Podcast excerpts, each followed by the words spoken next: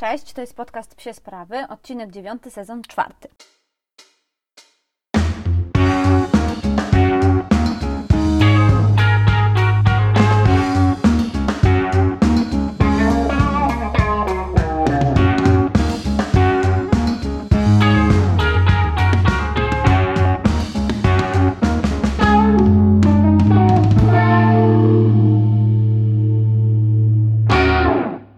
nadzieję, że podobał się Wam ostatni odcinek podcastu o metodzie klikerowej.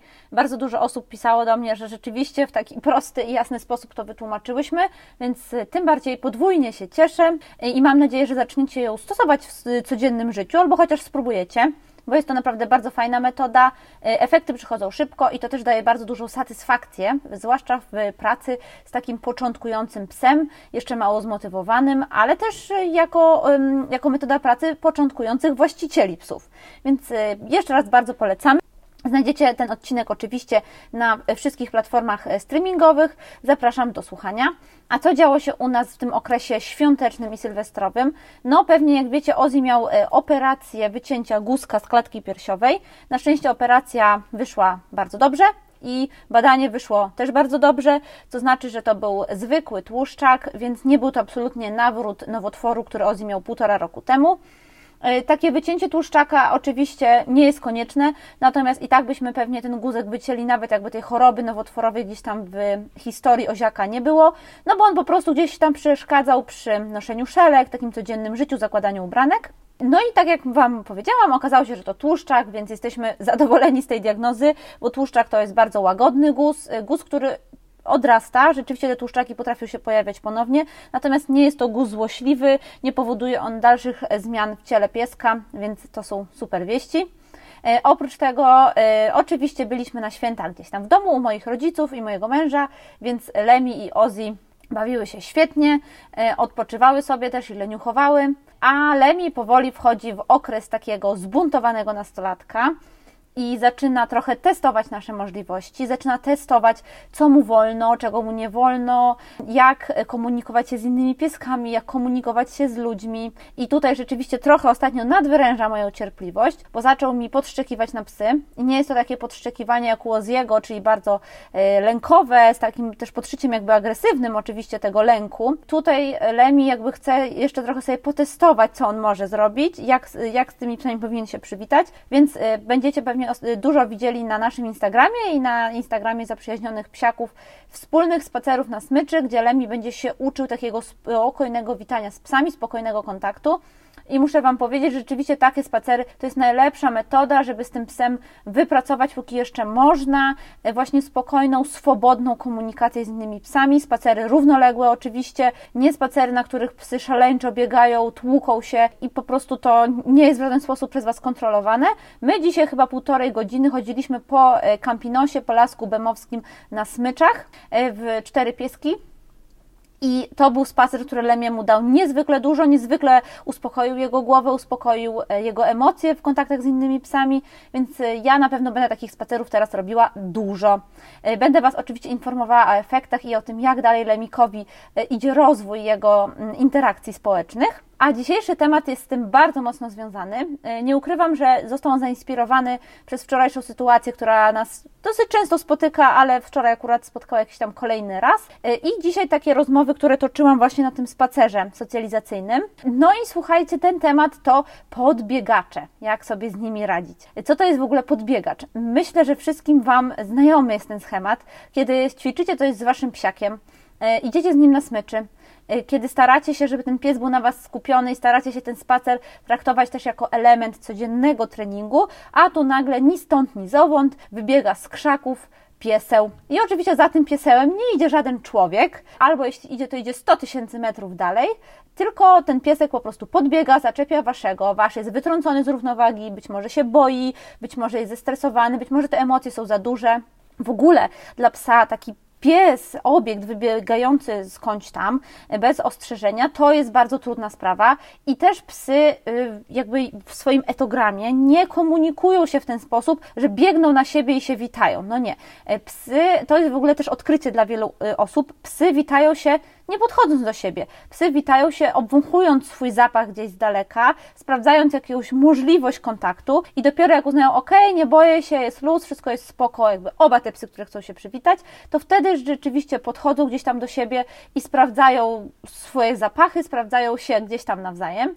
Y, natomiast na co dzień nie ma naprawdę takiej potrzeby, i to chciałabym wszystkim właścicielom szczeniaków i nie tylko piesków y, powiedzieć, chociaż Wy jesteście super zaangażowaną i super taką wyedukowaną społecznością, więc pewnie to wiecie. Pies nie musi się witać ze wszystkimi psami. Nie ma takiej, e, takiego przymusu, nie ma takiego obowiązku. Wręcz ja na przykład się nie witam z psami w ogóle, to moim psom nie jest potrzebne i moim psom kontakt z innymi psami jest potrzebny jedynie w takich ramach, w jakich ja to planuję. Kontakt przypadkowy uważam za zły i kontakt przypadkowy uważam za niepotrzebny przede wszystkim, zwłaszcza na etapie, na, jakim, na, którym ja z psami pracuję. Dla mojego starszego psiaka Oziego jest to potrójnie trudne, bo jest psem lękowym, jest psem, e, który gdzieś tam na tym etapie socjalizacji ma braki i dla niego podbiegające psy, zwłaszcza psy, których się boi, a taka sytuacja spotkała nas wczoraj wieczorem, jest to naprawdę, no słuchajcie, co Wam będę tutaj owijała bawełnę, jest to tragiczne w skutkach, on się rzuca, szczeka, jest niezwykle rozemocjonowany. Jeśli jestem z Lemim, Lemi zaczyna też szczekać, on sam nie wie czemu. I to jest sytuacja, która nie dość, że stresuje mnie, no bo ja się stresuję, o Jezu, Ozzy jest zdenerwowany, o Jezu nauczy małego. I jeszcze się stresuje tym, że e, być może ten Ozzy gdzieś tam się tak rozemocjonuje, że coś mu się stanie, bo może się, nie wiem, może sobie na przykład e, rozerwać opuszek, może sobie zrobić krzywdę, może sobie się przydusić na obroży, naprawdę może zrobić tysiąc złych rzeczy sobie, bo ja wiem, że tym, temu drugiemu psu on złe złego nic nie zrobi raczej, y, ale też zakładam taką, taką możliwość. I to jest sytuacja, która dla mnie jest najbardziej stresującą sytuacją, jaka może być. No i co z tymi podbiegaczami? Mm, niestety ciągle pokutuje w naszej świadomości, nie w naszej jako tutaj tej grupy słuchającej, ale naszej jako społeczeństwa, taki jakiś beznadziejny do niczego mit, że ten pies na smyczy to jest pies uwiązany, pies nieszczęśliwy, pies jakiś taki mm, pozbawiony możliwości naturalnego odkrywania terenu. No nic bardziej błędnego, bo pies naprawdę nie ma aż tak głębokich przemyśleń i jemu się nie wydaje teraz, że on jest tutaj niewolnikiem waszym i że zabraliście mu jakąś część jego wolności. Pies, który prawidłowo ma wprowadzoną smycz i który jest nauczony chodzenia na smyczy od małego, a nie taki puszczany w samopas, dla niego ta smycz jest czymś naturalnym, ona jest takim łącznikiem z wami i pozwala mu też na poczucie bezpieczeństwa. Tak, no być może jest to kontrowersyjne dla niektórych, zwłaszcza dla moich sąsiadów z Powiśla, bo widzę czasem szczeniaki, które w centrum miasta są puszczane bez smyczy, a słuchajcie, to my nie mamy jakichś super bezpiecznych warunków. To nie jest tak, że my mm, tutaj mamy jakiś las, zamkniętą łąkę, ogrodzony teren. No nie, mamy park, ale za chwilę jest dosyć duża ulica. Więc naprawdę chciałabym wrócić do tego mitu, do tego mitu, w którym y, wydaje nam się, że y, albo, że to jest niegrzeczny pies, który jest na smyczy, albo, że to jest taki, który się nie umie dogadać, a jedynie puszczenie psa ze smyczy pokazuje, że jesteśmy dobrymi właścicielami, że dobrze wychowaliśmy psa, że go sobie, nie wiem, podporządkowaliśmy, że on się nas słucha. No, jest to dla mnie skrajnie głupie, jest to dla mnie też takie skrajnie egoistyczne, bo to tylko pokazuje, jak bardzo my mamy potrzebę kontrolowania tych psów i jak bardzo my mamy potrzebę pokazania innym, no bo nie sobie, że wow, ja to umiem w te psy, ogarniam, w ogóle nauczyłam swojego psa, żeby chodził tylko przy nodze, zawsze się mnie słucha. I niestety mnóstwo osób jakby się cały czas o tym myśli i cały czas stosuje to w praktyce i stosuje to na co dzień. Na przykład u mnie na osiedlu, słuchajcie, mam właśnie pana, który chodzi z dwoma wyżłami i on te wyżły puszcza absolutnie w samopas. Ozzy jest, panicznie się ich boi, bo uwaga, pierwszego wieczoru, kiedy tu się wprowadziliśmy, wyprowadziliśmy Oziego, e, no i oczywiście Ozzy był na lince, sobie idzie spokojnie, jest już ciemno i co, jakie było pierwsze wspomnienie Oziego? Dwa napadające na niego wielkie, nieodwoływalne wyżły. Jak myślicie, Ozzy lubi je bardzo? no właśnie. I ten pan, kiedyś zatrzymany przez mojego męża i poproszony, że ta sytuacja jest taka, że rzeczywiście nasz pies ma agresję lękową, że on się bardzo boi, to jest dla niego mega stresujące i czy pan widząc nas nie mógłby tego pies, tych piesków na przykład zapinać na smycz, to on powiedział, czy pani myśli, że ja będę moje psy prowadzał na smyczy? Więc mój mąż na to nie wiedział, co odpowiedzieć, bo wydawało mu się po prostu to no, absolutnie niezrozumiałe, że rzeczywiście, no czego to my wymagamy od tego faceta, żeby on psy na smyczy prowadzał? No chore, absolutnie chore. Y, ja wiem, że to taka historia, słuchajcie, z gatunku idiotycznych, ale rzeczywiście niestety dużo osób ciągle ma takie poczucie, że jeśli te psy będą zapięte na smycz, to to znaczy, że oni ponieśli porażkę jako trenerzy, jako wychowawcy, chociaż z drugiej strony wydaje mi się, że to są właśnie osoby, którzy, osoby, które nie traktują się jako trenerów czy wychowawców, tylko właścicieli, przewodników stada, wiecie, tego osobnika alfa, który tam kieruje tymi psami i one cały czas po prostu na jego rozkaz są tutaj przy jego boku. I to też nie jest tak, że ja jakby to myślę o tym bardzo egoistycznie, bo rzeczywiście myślę egoistycznie w kontekście moich psów, ale sobie też myślę o tym, że takie podbiegające psy nauczone podbiegania do innych psów, które jak już ustaliliśmy, to nie jest naturalne zachowanie, to nie jest fajne zachowanie, to te psy mogą stanowić bardzo duże zagrożenie dla psów, które są młode i się bardzo boją. Ten lęk może zostać bardzo utrwalony.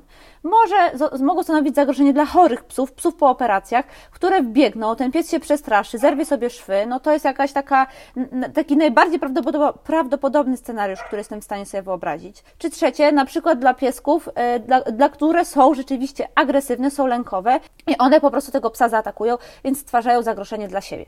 Ale oprócz tej gamy psów, no bo ja rozumiem, że możesz mieć psa i mieć wywalone na inne psy, nie obchodzą cię, traktujesz je jak rzecz, albo po prostu, no y, od tego jest właściciel, żeby zadbał o swojego psa, ja o swojego dbam. W ten sposób nie muszę myśleć o innych.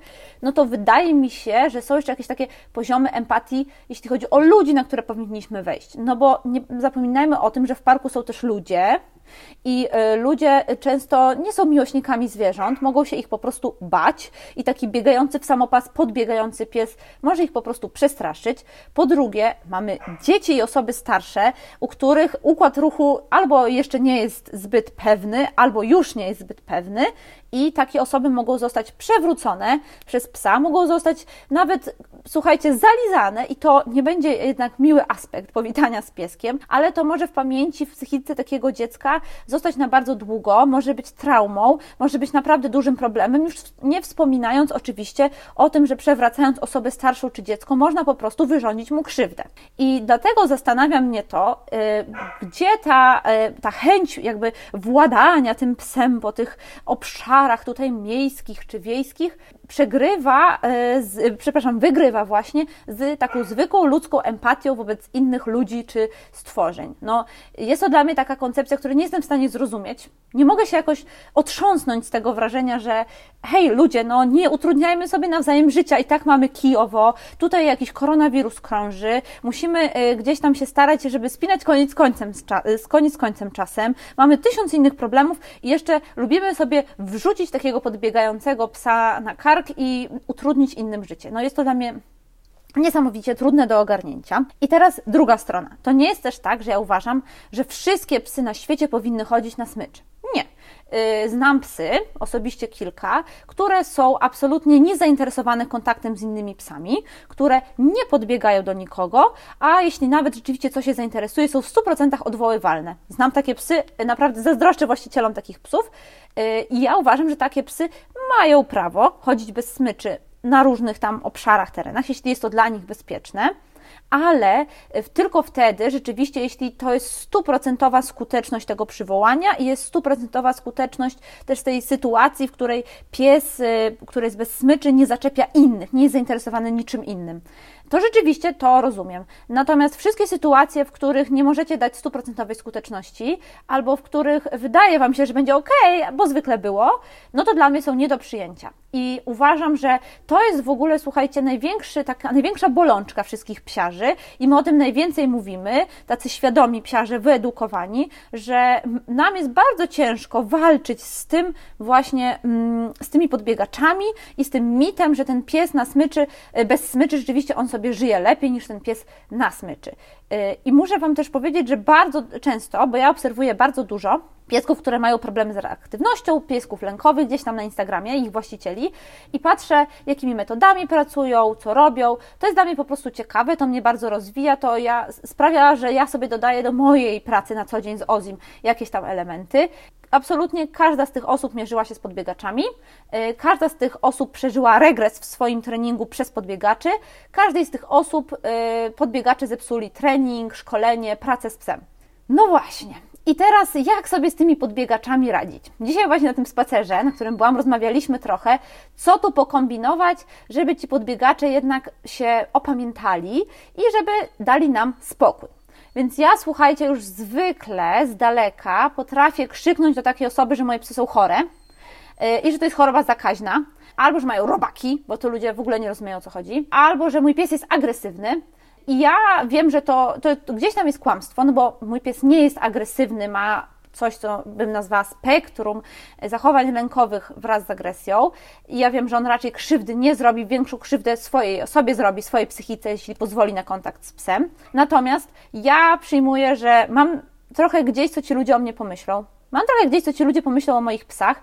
Moim celem jest odstraszyć tych ludzi ode mnie. A z racji, że nie jestem osobą, która będzie rzucała kurwami różnymi innymi, to staram się zrobić to w taki sposób, żeby ta osoba po prostu była zniechęcona absolutnie do kontaktu ze mną w możliwie najgrzeczniejszy sposób. I powiem Wam tak, choroba zakaźna, robaki, po operacji yy, lub też pies jest agresywny, to działa najlepiej. Teksty w sumie, w stylu. Czy mógłby Pan zapiąć pieska? Działają raz na 10 przypadków. Y, teksty w stylu, przepraszam, mój pies potrzebuje przestrzeni, wow Nikt nie rozumie, co to znaczy przestrzeń psa. Sorry, nie ma w ogóle opcji.